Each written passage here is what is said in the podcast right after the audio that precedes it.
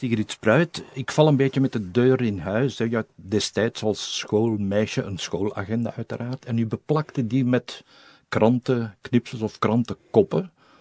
Had dat te maken met toen al interesse voor nieuws? Of zat er iets meer achter of iets anders achter? Nee, dus ik had een hele grote belangstelling voor het nieuws. Een beetje van huis uit. Uh, en verder was dat een, een, jeugdig engagement eigenlijk, zeg maar. Want dat waren zo... Ik beplakte die agenda met uh, krantenkoppen en dat... Uh, waren dan natuurlijk niet de vrolijkste zaken, zoals kranten meestal niet erg vrolijk zijn, maar dingen die nogal suggereerden hoe het de verkeerde kant opging met de wereld toen al. We zitten dan eind jaren zeventig. En ja, kijk, veel van de problematiek die nu heel erg wordt aangekaart, eindelijk, dankzij de klimaatkinderen bijvoorbeeld, hè, Anuna, Kira, Greta, maar veel van die problematiek speelde natuurlijk toen ook al. Denk aan de bevolkingsexplosie, en noem het op. Uh, de vervuiling, de milieuvervuiling, al die dingen. En ik was daarmee bezig. Ja, dat is het, uh, dat is het uh, engagement van de jeugd en het willen vrijwaren van de toekomst. Hè. Het had ook met uw ouders te maken? Hadden die dat gestimuleerd op een of andere manier? Ja, mijn moeder dan, hè. Ja. Zij, uh, zij, komt, zij zat in de onderwijswereld. Zij had moraalwetenschap gestudeerd. Haar broer was professor in Gent, lag een beetje aan de basis van de richting moraalwetenschap samen met Jaap Kruithof en Etienne Vermeers. Dus er was daar wel een, ja, een, een, een geëngageerdheid, zeg maar, een bekommernis om de gang van de wereld. En wat heel grappig is, ik heb zelf twee zonen. De jongste is 22, Andreas. En die is nu, hij is dood nu, Etienne Vermeers, maar die is een fan van Etienne Vermeers, zonder eigenlijk daarvan af te weten, want mijn ouders zijn jong gestorven en Andreas heeft die nooit gekend. En uh, ook mijn oom eigenlijk niet. Dat vind ik wel grappig soms, het, uh, de schoonheid van het toeval en dat hij uit eigen houtje daar weer bij terechtgekomen is. Ja. Over welke leeftijd spreek je nu met die krantenkoppen? Dat is de middelbare school, hè? Ja. 16 jaar, rond die tijd? Ik zou jonger geweest zijn, ja. Misschien al wel de middenschool. Uh, ik kan er geen jaar op plakken. Een van de eerste jaren. Eerste, tweede.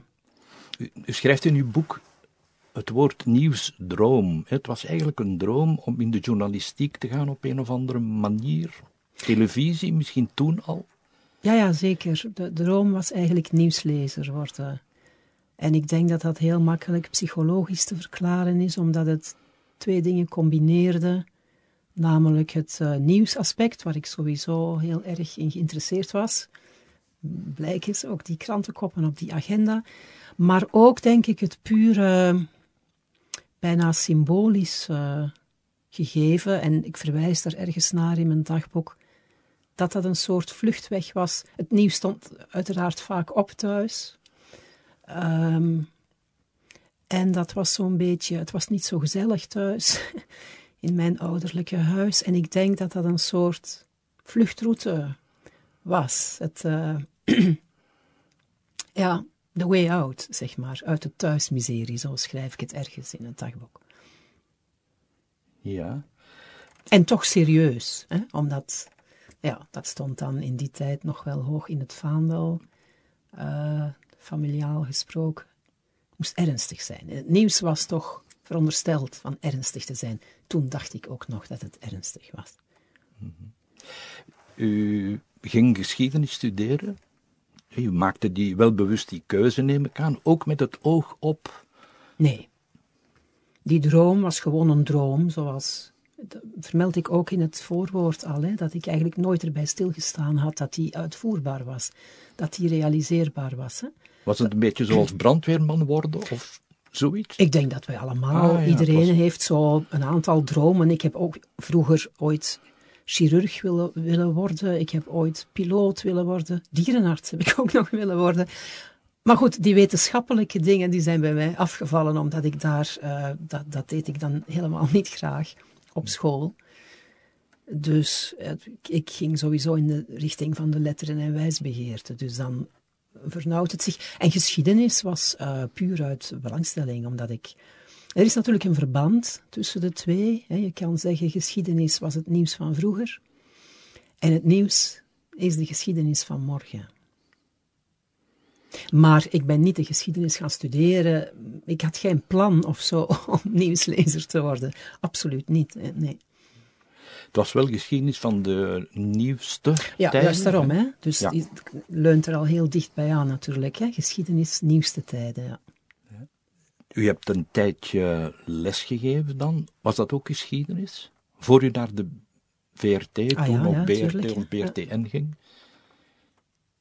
Geschiedenis Uh, ook. het begin was het BRT toen ik begonnen ben. Ja. Geschiedenis, ah ja, dat was mijn studie, hè. daar kwam ik uit. Hè. Dus dan had je het aggregaatdiploma en dan mocht je gaan lesgeven. En dan heb ik heel kort lesgegeven, niet veel, omdat ik heel snel begreep dat ik dat niet wou doen. En wel een andere richting uitgegaan dan. Dat iets te maken met Mark Hoge? Kan dat? Ja, dus een, een medestudent van mij in Gent aan de universiteit was Mark Hoge. En die had meegedaan met een uh, journalistenexamen. Dat was in die tijd, waar, waren dat die grote, beruchte examens van de VRT met uh, vier rondes. Dat was een echte afvalwedstrijd eigenlijk. Hè. Um, Het is mij bekend. ja, en daar kwamen altijd uh, honderden of duizenden, of een hele busladingen mensen op af. En er slaagden er dan maar heel weinig van. En Mark was geslaagd. En toen dacht ik, kijk, als Mark dat kan, dan kan ik dat ook. En dan heb ik mij ingeschreven voor het eerstvolgende examen. En dan ben ik geslaagd. En zo ben ik bij de BRT, toen nog BRT, terechtgekomen. Op die redactie, dat moet wel een wondere wereld geweest zijn, neem ik aan. Om daartoe te komen, 25 jaar was je, in 1989. Ja, je, je, je, je hebt er eigenlijk niet echt bij stilgestaan dat die mensen echt bestonden. Hè? Dus je kende die van, van in het kijkkastje van thuis, van op tv. En dan kom je daar en dan steken die allemaal hun hoofd uh, uh, door de geopende deur. En dan schrik je eigenlijk eerst van, hé, hey, die bestaan, die zijn echt. Dat herinner ik me nog wel, ja. Dat, dat heeft iedereen gehad die daar komt als nieuweling. En dan na verloop van tijd, als je zelf een schermgezicht wordt, dan ga je natuurlijk meemaken dat je zelf ook dat effect op de mensen hebt. Maar het interessante daarvan is volgens mij dat het ook bewijst dat mensen er niet bij stilstaan dat het nieuws gemaakt wordt. En dat het gewoon eigenlijk dat is, mensenwerk. Mensen hebben vaak een opvatting alsof nieuws als iets je zou bijna zeggen, God gegeven, uit de hemel komt afdalen en zo is en niet anders. Maar het is, het is een maaksel natuurlijk en er gaan keuzes aan vooraf en accenten en klemtonen. En ik denk dat, dat is heel belangrijk. Dat is ook een van de redenen dat ik het boek heb willen publiceren. Dat mensen dat zouden gaan beseffen. Dat het ook maar, maar mensenwerk is. We kunnen daar misschien straks eventjes op doorgaan. Als ik mag, die beginperiode was eigenlijk wel hoopvol voor jou. Hè? Dat zag er mooi uit, beloftevol. De beginperiode was heel leuk, hè, natuurlijk. Ja. Dat uh, verwijs ik ook. Ik verwijs er ook even naar in het dagboek op een bepaald moment dat het een soort speeltuin eigenlijk is van... Uh, ja, je moet je dat voorstellen. Je begint als reporter. Je hebt elke dag iets anders te doen. Wat, dat weet je niet als je thuis vertrekt. Brengt natuurlijk ook veel stress met zich. Je moet daarmee om kunnen. Hè? Dus je wordt elke dag opnieuw in een bad gegooid dat je s'morgens nog onbekend is, want je moet allround alles doen.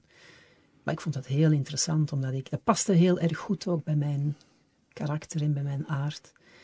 Om dan zo die grote verscheidenheid, en dan toch op die superkorte tijd, hè, deadline van één dag, daar iets degelijks over klaar te hebben. Hè. Dus uh, goed geïnformeerd en feitelijk juist, zo juist mogelijk. En dan nog mooi gebracht en Ja. goed beeld, tekst. U schrijft ook, er waren ook veel mooie momenten. Ja. Kunt u dat een beetje demonstreren zo? Ik, dat vind ik heel moeilijk. Ik heb daar 21 jaar gewerkt bij de openbare omroep. En ik weet, bij de media vragen ze dan altijd: wat waren de drie mooiste of, de, of het allermooiste? Dat is zo moeilijk om te.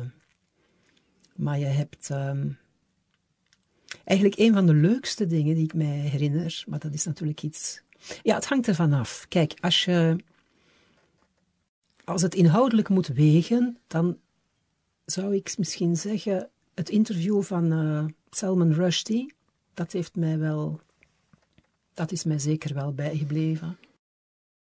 Omdat die man ehm, in 1994 had ik er eens tien minuutjes een interview mee, dankzij Paul Gosses van eh, De Morgen. Omdat Rushdie leefde toen onder de fatwa van Khomeini, was op de loop. En ook het interview was zo, want je mocht hem, hij bleef niet langer dan tien minuten op één plek. Dat was ook echt zo. En dus moest je die achterna hollen en moest dat interview in drie schijfjes gebeuren. Eh, als een soort estafette-interview. Eh, dat op zich was al bijzonder natuurlijk, maar dan ook wat hij zei. Hij waarschuwde toen voor het begin van het terreurtijdperk. En dat klinkt ons nu normaal in de oren, maar eigenlijk, we zitten dan nog maar in 1994. Het waren profetische woorden natuurlijk. Ehm, dus dat is serieuze, wat, wat er misschien uitspringt voor mij. En dan op het leuke vlak hebben we eens met een cameraploeg urenlang in een berm gelegen. Om toch maar één beeldje te kunnen schieten van een rat, een uh. Omdat er zogezegd in Gengelon, een gehuchtje ergens in, het, uh, in Haspengouw, was iemand gestorven, zogezegd aan de pest. Dus de pest was terug. Het illustreert ook wel een beetje de, ja, ergens de hysterie van de massamedia. Of dat, was, dat was ook een item in het nieuws. En ik was erop uitgestuurd met een heel fijne cameraman Dries Matthijs en klankman Willy misschien, weet ik niet meer juist. Maar ja, die pest werd overgedragen door die rat. We moesten een beeld van een rat hebben, maar dat is niet zo simpel. We hebben ons schuil gehouden bij die sloot. En uiteindelijk hadden we ze. En dat was heel fijn eigenlijk. En dan, die, die beelden hebben we dan drie keer gebruikt in het item. In slow motion en in... Maar goed, ik bedoel maar, omdat je vraagt naar... Dat, Ja. dat was leuk. Misschien dat, is even die Rushdie nog, ging dat ook met lijfwachten? Want dat was heel... eh, ja, dat was indrukwekkend, hè, dat De interview. man van de Die- duivelsverzen, hè? Ja, had die lijfwachten. Er was in ieder geval altijd volk bij hè, en rond. En hij was toen, hij moest bij de Europese Commissie zijn. Bij de premier zeker, of ik staat me niet meer zo heel scherp voor de geest waar we dan die drie keer waren. Maar we gingen dus van het ene adres naar het andere. Ja, Uit veiligheidsmaatregelen, echt. omdat hij op de loop was en permanent een, een doelwit was eigenlijk. Hè? En dan moet je in beweging blijven. Ja. Op een bepaald moment werd je anker, zoals dat tegenwoordig heet, nieuwspresentatrice. Je bent dat eh, 16 jaar geweest. Dat moet ook wel een moment geweest zijn van, ja, van vreugde of van, ik weet niet. Ja, dat is wisselend natuurlijk. Hè. De, in de beginperiode was eh, de eerste keer, zal, zal, ik, zal waarschijnlijk niemand vergeten, die eh, presentator is, omdat je dan, je herinnert je heel goed de zenuwen die je had natuurlijk. Hè. Het is niet zo evident om daar op een stoel te zitten en dan als ze aftellen 3, 2, 1 en dat je dan weet dat er een miljoen mensen naar je kijkt. Ja, het, Ja, is, niet- het is een raar oog dat er staat, hè, die Ja. camera. Dus dat is, dat geeft ehm, bepaalde stress. Ja, er zijn, maar er zijn andere aspecten aan natuurlijk. Hè. Ja, het is ook een stoel waar je elke dag moet op zitten. Eh, iedereen weet dat de ene dag de andere niet is. Soms heb je net iemand begraven of heb je andere problemen. En ja, je moet toch. Dus het is niet altijd natuurlijk even leuk. Maar in grote lijnen de eerste jaren deed ik dat natuurlijk wel heel erg graag, maar op de duur, hoe langer hoe minder. En dat had er vooral mee te maken dat ik, niet meer, dat ik het niet meer eens was met de inhoud van het journaal. En dan begint het moeilijk te worden, want dan word je een uithangbord van een winkel, zeg maar, waar je niet meer achter staat, hè, waar dat je vindt dat ze verkeerde producten verkopen. En dan wordt het moeilijk natuurlijk. Kun je zeggen waar het ongeveer begonnen is voor u dan? Dat is dat kan je niet pinpointen op één bepaald moment, omdat dat iets is wat zich opstapelt. Hè? Je leert de nieuwsbusiness kennen van binnenuit.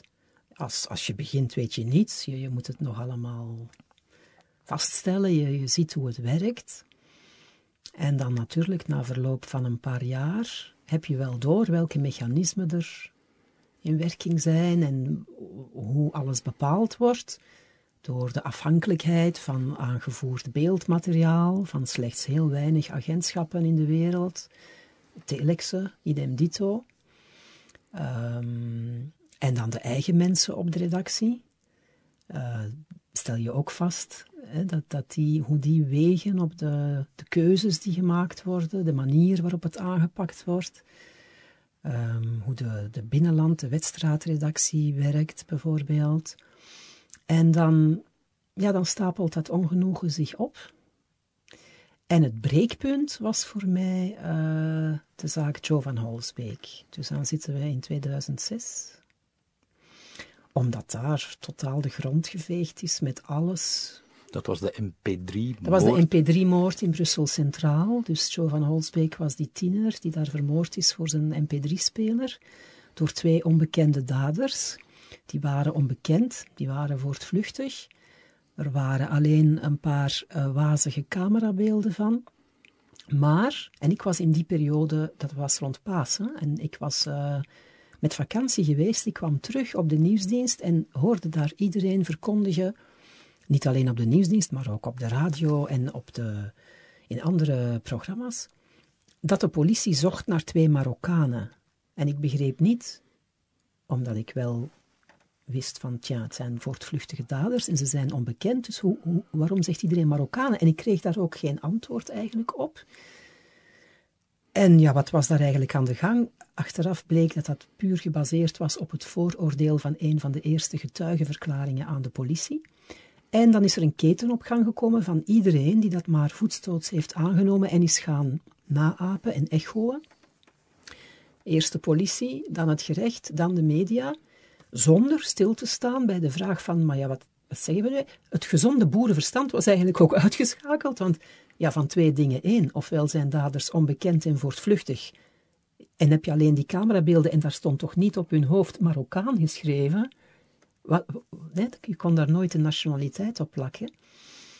Um, maar niemand dacht nog na. Dat was zo in een, in een notendop um, de perfecte illustratie van wat er volgens mij met de media fout liep.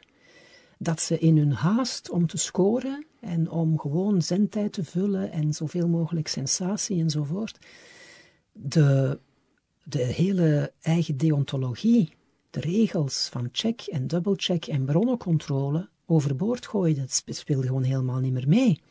En de, de core business, om het met een, een verschrikkelijk Engels woord te zeggen, van een nieuws, van een journaal, is verslag doen over de feiten. Maar hier waren geen feiten. En dus hebben ze gewoon van een vooroordeel, want dat was eigenlijk wat het was, dat is achteraf dan gebleken, een racistisch vooroordeel, hebben ze een feit gemaakt. Ja, dat was voor mij de druppel te veel, dat, daar kon ik mij niet meer mee verzoenen. Heeft dat zich een paar dagen voortgesleept eigenlijk? Dat heeft zich een hele tijd voortgesleept. Hè. Je hebt zelfs in ter zake hebben we een debat gehad Um, met Farah, als ik het mij goed herinner, waren een heleboel imams en zo waren uitgenodigd om te komen uitleggen wat er nu toch wel mis was met die moslims, want dat moet toch, daar moet toch serieus wat mis mee zijn met die mensen, want wie doet nu zoiets? Nu vraag ik je. Ja. En dit is, dat was voor mij het, hetgeen eruit sprong het ergste. Maar zo zijn er op, zijn vele kleinere momenten zo geweest, die ik helaas niet allemaal heb opgeschreven. Dat is wel spijtig natuurlijk, want dan zou je een heel ander boek krijgen. Maar goed, dat doe je niet. Je bent bezig met je, met je werk en je zit niet uh, al die feitelijkheden te noteren. Maar het was de spreekwoordelijke druppel eigenlijk voor mij. Ja, ja voor u was het het breekpunt blijkbaar. Maar u schrijft ook uh, de komst van VTM, 1989, het jaar dat u begon bij de openbare omroep dat daar eigenlijk de verschuiving in de richting van, ik zal maar zeggen, sensatie of toch show, dat soort van dingen, dat is toen begonnen. Ja, ja dat is logisch natuurlijk. Eh, VTM was een commerciële omroep en was, uh, betekende concurrentie voor de BRT, die tot dan toe geen concurrentie had gehad. Nu vind ik niet dat concurrentie een slechte zaak is, maar je kan dat natuurlijk op meerdere manieren invullen. En de manier waarop zij het hebben ingevuld is gewoon de concurrent achterna lopen. Dus dat is wat zij altijd gedaan hebben. Geen eigen keuzes maken, nooit eens zelf nadenken over waar je voor staat en hoe je het wil aanpakken, maar gewoon mee. En dan als een flauw afkooksel, de, de, de zogezegde iets betere of iets serieuzere variant. Zo wilden ze zich dan profileren. Hè? Maar in feite zijn ze gewoon mee in het kielzog gegaan.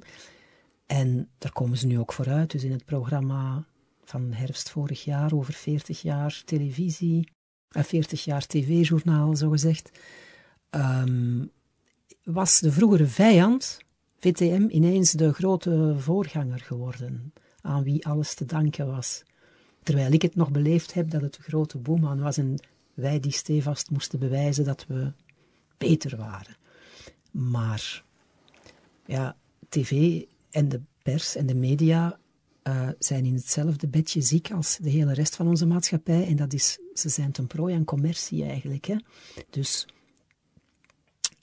het is het uh, geld vaak, of bij televisie de kijkcijfers dan ook, hè, de cijfers die het halen.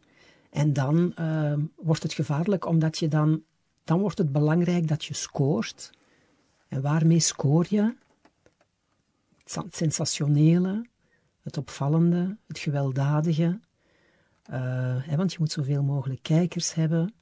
En het populistische natuurlijk. De politici die het meest uh, simpel zijn, laten we het zo zeggen, en zich uiten in, in uh, demagogische soundbites, die worden eigenlijk groot gemaakt door tv. Dat is ook wat wij gedaan hebben. Ja, dat populisme, u zegt dat eigenlijk in uw boek met heel veel nadruk, dat is eigenlijk de schuld van de media. De opkomst schuld, van... ik spreek niet over schuld. Het is een, het is een, um, het is een ziekelijke vermenging. Hè. We hebben dat ook in Amerika gezien met uh, Trump en de grote omroepen, ABC, C CBS, um, ehm, CNN. Zij komen daar ook zelf voor uit. Hè. Daar zijn citaten van, van de mensen die daar aan het roer staan, die ja, het is eigenlijk degoutant, maar goed. We hebben er belang bij. Hij, heeft, hij maakt ons. En zo is het. Hè. Het is een wisselwerking. De ene maakt de andere groot. Omdat het wezen is perfect op elkaar ingespeeld eigenlijk. Hè. Er is geen diepgang. Er is geen nuance. Er is alleen oppervlakkigheid. Er is alleen sensationele en neiging naar het agressieve en het. En er is um, ja, simplisme, zwart-wit, tegenstellingen, uh, polarisatie. zijn allemaal dingen die zowel uh, populisme als massamedia met elkaar gemeen hebben. En dus die zijn, laat ons zeggen, bijna tot elkaar veroordeeld eigenlijk. Hè? Zelfs als ze dat proberen tegen te gaan, zoals uh, bijvoorbeeld de Pano-reportage over Schild en Vrienden van Tim Verheijden, daar kan je je bij afvragen. Dat was heel goed, hè? begrijp me wel, want dat was, zo gezegd is dat een ontmaskering, maar dat werkt gewoon zo niet. Waarom niet? Omdat het heel uh, vanzelfsprekend, bijna te vanzelfsprekend, maar slechte reclame bestaat niet. Dus je geeft die mensen, hoe meer aandacht je, je, die schenkt en hoe meer je die in beeld brengt en altijd maar een megafoon geeft en een podium geeft, heel de tijd maak je die groter. Ik heb dat ook gemerkt met mijn boek, waar de rioolpers zich op gestort heeft, in een poging het uh, eigenlijk ja, niet af te breken, want om de, de mediakritiek te kunnen opzij schuiven, hebben ze zich alleen op die bijnamen, uh, uh, bijnamenhistorie gestort. Maar wat heeft dat voor resultaat gehad? Dat het boek in twee weken uitverkocht was. Want slechte reclame, het, is, het bestaat niet. Dat is eigenlijk de, zo, zo eenvoudig is het bijna. Dat is de kern van wat wij gedaan hebben. Ook het debat van, uh, of het interview met Kathleen Kools onlangs met Dries van Langehoven, een paar maanden geleden, dat was hallucinant. Tegenstanders van Dries van Langenhoven zullen dat dan misschien nog een goede zaak vinden, want ze gingen er nogal eens tegenaan. Maar dat was, ik weet niet of dat je dat gezien hebt. Gezien, ja, ja. Zij dacht hem uh, weerwerk te kunnen bieden, Kathleen Kools, hè, Dries van Langehoven. Maar ja, die man om te beginnen zou niet komen naar de studio als hij niet wist dat hij er garen bij te spinnen had. Uiteindelijk is daar geen enkele kritische vraag gesteld. Is daar het enige wat dat heeft opgeleverd, is dat hij ongegeneerd zijn salvo's, want dat is wat het was op de duur, werkelijk salvo's, mocht blijven afvuren van zijnzelfde slagzinnetje, altijd maar opnieuw en opnieuw en opnieuw. Dus je geeft ze gewoon een podium, een megafoon, uh, een forum. En het is, er is eigenlijk geen goede manier om die populisten te counteren op tv. Dat gaat niet. Om, net omdat het zo'n oppervlakkig medium is. Dus door ze altijd maar op te voeren, werk je eigenlijk de polarisering in de hand. En de enige strategie die je daar tegenover kan zetten om iets anders te doen, is eigenlijk negeren. Hè? Is, niet, is niet focussen. Je, je mag daar niet op focussen, want dat is allemaal drainage naar, die, naar hen eigenlijk toe en je maakt ze groot. Dus um, het is heel belangrijk volgens mij, ook in de media, om altijd bij jezelf te blijven je eigen strategie uit te kiezen, zelf te weten wat je wil doen, waar je voor staat en waar je wil voor gaan en dat niet laten bepalen door iemand anders. Maar daar zijn ze heel slecht in op tv. Maar de vraag is natuurlijk, kun je die mensen volledig negeren? Wanneer mogen, mogen ze dan wel aan je, bod Je komen? hoeft ze niet volledig te negeren, je moet ze alleen uh, negeren wanneer ze niets ter zake zitten te doen. Hè? Dus we hebben ooit een VRT-nota gehad uh, in de tijd van uh, Leo Hellemans als hoofdredacteur nog. Um, die bepaalde dat we ze geen gratis. Dat is, we hebben al eens een. Want we zitten nu in de zwarter dan zwarte tijden. Maar we, de eerste zwarte zondag die we hadden was in 1991. Hè? En dan uh, werd er zo nog een beetje over nagedacht: van zijn we misschien toch niet verkeerd bezig? Het was eigenlijk een een aanzet. Maar die is dan geaborteerd omdat er is dan een nota gekomen. Kijk, uh, extreem rechts voer je alleen maar op als het over extreem rechts gaat. Als zij daar op, op dat moment uh, relevant zijn om opgevoerd te worden. Je voert ze niet op als een partij als alle anderen, als het bijvoorbeeld gaat over uh, ik, ik, zeg maar iets, je moet je gazon niet afrijden wegens de grote droogte. Uh, iets om het even wat, waar zij eigenlijk niet mee te maken hebben, maar waar je verschillende meningen gaat oversprokkelen. Dit is nu maar een bij de haren gesleurd voorbeeld. Hè. Maar dan voer je ze niet op. Je behandelt ze niet als een partij als een andere. En die nota was er. En die is dan binnen de kortste keren aan onze laars gelapt vooral op aandringen van één welbepaald persoon, die zich heel veel jaren later uh, zelf tot een van die populistische partijen bekeerd heeft. Dus het is allemaal een beetje... Ik denk dat ik weet wie je bedoelt. Onze Machiavelli, ja. Brakke, ja. Siegfried Brakke. Die, en dus die, die nota is een, is, een, is een hele vroege dood gestorven. Uh, en vanaf toen zijn ze wel altijd behandeld geweest als een partij, als een andere. En uiteindelijk in het geval van de, uh, eerst van de NVA, omdat de bepaalde partijleider zo uh, tv-geniek was, zal ik zeggen. Hè? Zelfs meer opgevoerd dan andere partijen. Daar zijn onderzoeken over gebeurd. Je Bart de hebt, uh, Wever. ja, Bart de Wever. Het steunpunt uh, media heeft dat becijferd hè, bij bepaalde verkiezingen die al achter ons liggen hoe er disproportioneel veel zendtijd en aandacht ging naar die partij toen ze nog veel kleiner was. Waarom? Omdat dat altijd de smeuigste quotes opleverde en het beste paste bij het format van tv enzovoort. En zo werk je mee aan het. En dan op de duur wordt het natuurlijk een self-fulfilling prophecy. Dan zijn ze groot en dan kan je er niet meer omheen enzovoort. Een voorbeeldje van Vlaams Belang uh, opvoeren, want dat gras was wel heel erg uh, eigenaardig als voorbeeld natuurlijk. Maar we hadden dan de, de mars bijvoorbeeld voor uh, Joe van Holsbeek. Een soort herdenkingsmars, protestmars, maar ja, waartegen. Goed, in Brussel. En daags na die mars werd er gesproken over reacties gaan sprokkelen. En dan werd er gezegd, ja, we moeten ook naar het Vlaams Blok, of het Vlaams Belang toen al. En wat was daar het verband? Niks, gewoon ze gingen naar elke partij om, om een reactie op die mars. Ja, we moeten dan ook naar het... Ja, maar... Uh, ja, zouden we dat wel doen? Werd er nog even gezegd, morgens op de vergadering. Ja, dat moet wel, want we kunnen hen niet uit die mars trekken omdat er waren ook veel politici die mee hadden gelopen en zo in die mars, waarop iemand zei, ja, maar zij zaten niet in die mars. En zij waren daar niet. Ja, hoe dan ook. Hè? Wij daar naartoe.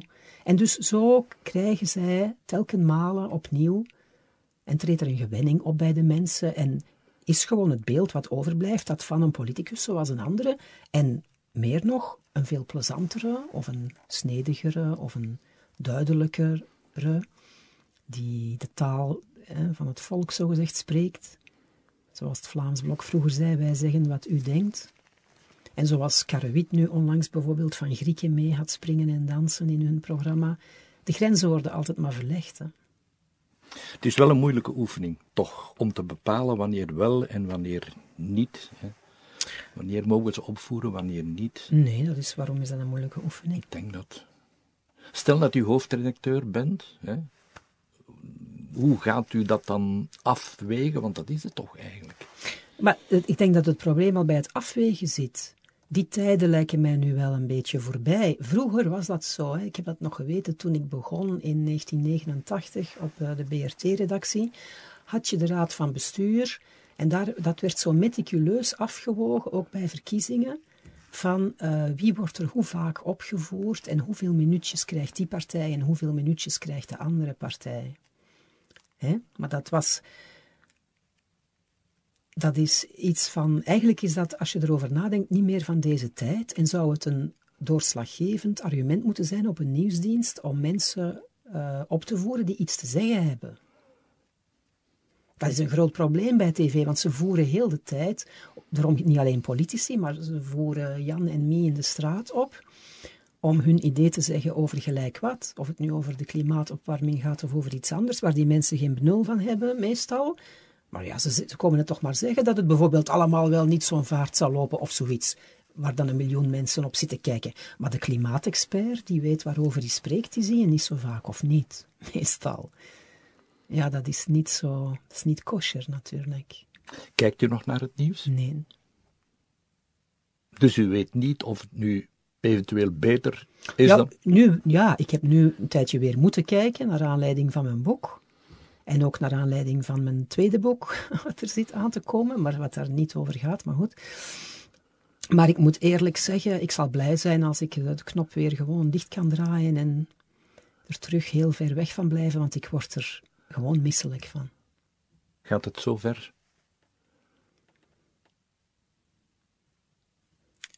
Ja, Tuurlijk. Ik heb zitten kijken naar de, het voorzittersdebat na de verkiezingen. Uh, die verkiezingen, hè, we hebben nu, we hebben in Vlaanderen nu 44% voor de populisten van N-VA en dus voor rechts en extreem rechts en Vlaams Belang.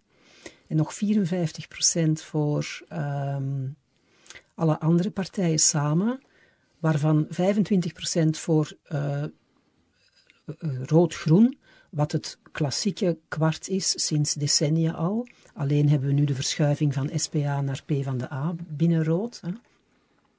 Maar aan de rechtse kant heb je um, gewoon de drainage van de centrumrechtse partijen, allemaal naar de NVA. Hè. En een aantal van de originele kiezers, die N-VA weggetrokken heeft, de, witgewassen stemmen van het Vlaams Belang van een paar jaar geleden, die zijn nu teruggegaan. He, met als resultaat dat ze nu, dat eigenlijk Bart de Wever via een omtrekkende beweging geslaagd is in zijn doel waar hij al in begin, en al sinds 2007, uh, op uit is, hè, wat het doel is, Vlaamse staatswording, dat is ook hun gemeenschappelijk doel, dat zijn twee bondgenoten, hè, die partijen. En de, de media en de politiek, uh, de andere politieke partijen, hebben dat blijkbaar nooit goed in doog gehad. Ik, ik, begrijp niet waar die mensen hun verstand zit. Er is één iemand met een strategie en een geslepen plan. Hè, dat is uh, de N-VA-voorzitter, Bart de Wever, en die heeft nu zijn doel bijna bereikt. Hè. Die is uh, in Vlaanderen en contournable. Het Vlaams Belang nog niet, maar als je voortgaand op wat er, wat er door hem en in de media wordt naar voren gebracht, kan het niet snel genoeg gaan. En dus we zitten eigenlijk 30 jaar terug. Het gaat niet over de zaken waar het over zou moeten gaan met het oog op onze overleving, instandhouding van de soort, de, ons leefbaar systeem, klimaat enzovoort. Nee, het gaat weer over het cordon sanitair. Terug naar, eigenlijk terug naar mijn boek. Ik kan hele bladzijden voorlezen waarvan, als je niet weet dat het over 2006 ging bijvoorbeeld, dan denk je dat het nu is. Dus we, draaien in een cirkeltje en hij heeft eigenlijk via een omtrekkende beweging uh, zijn doel bijna bereikt. Hè? Het onbestuurbaar maken van België en het opblazen van België.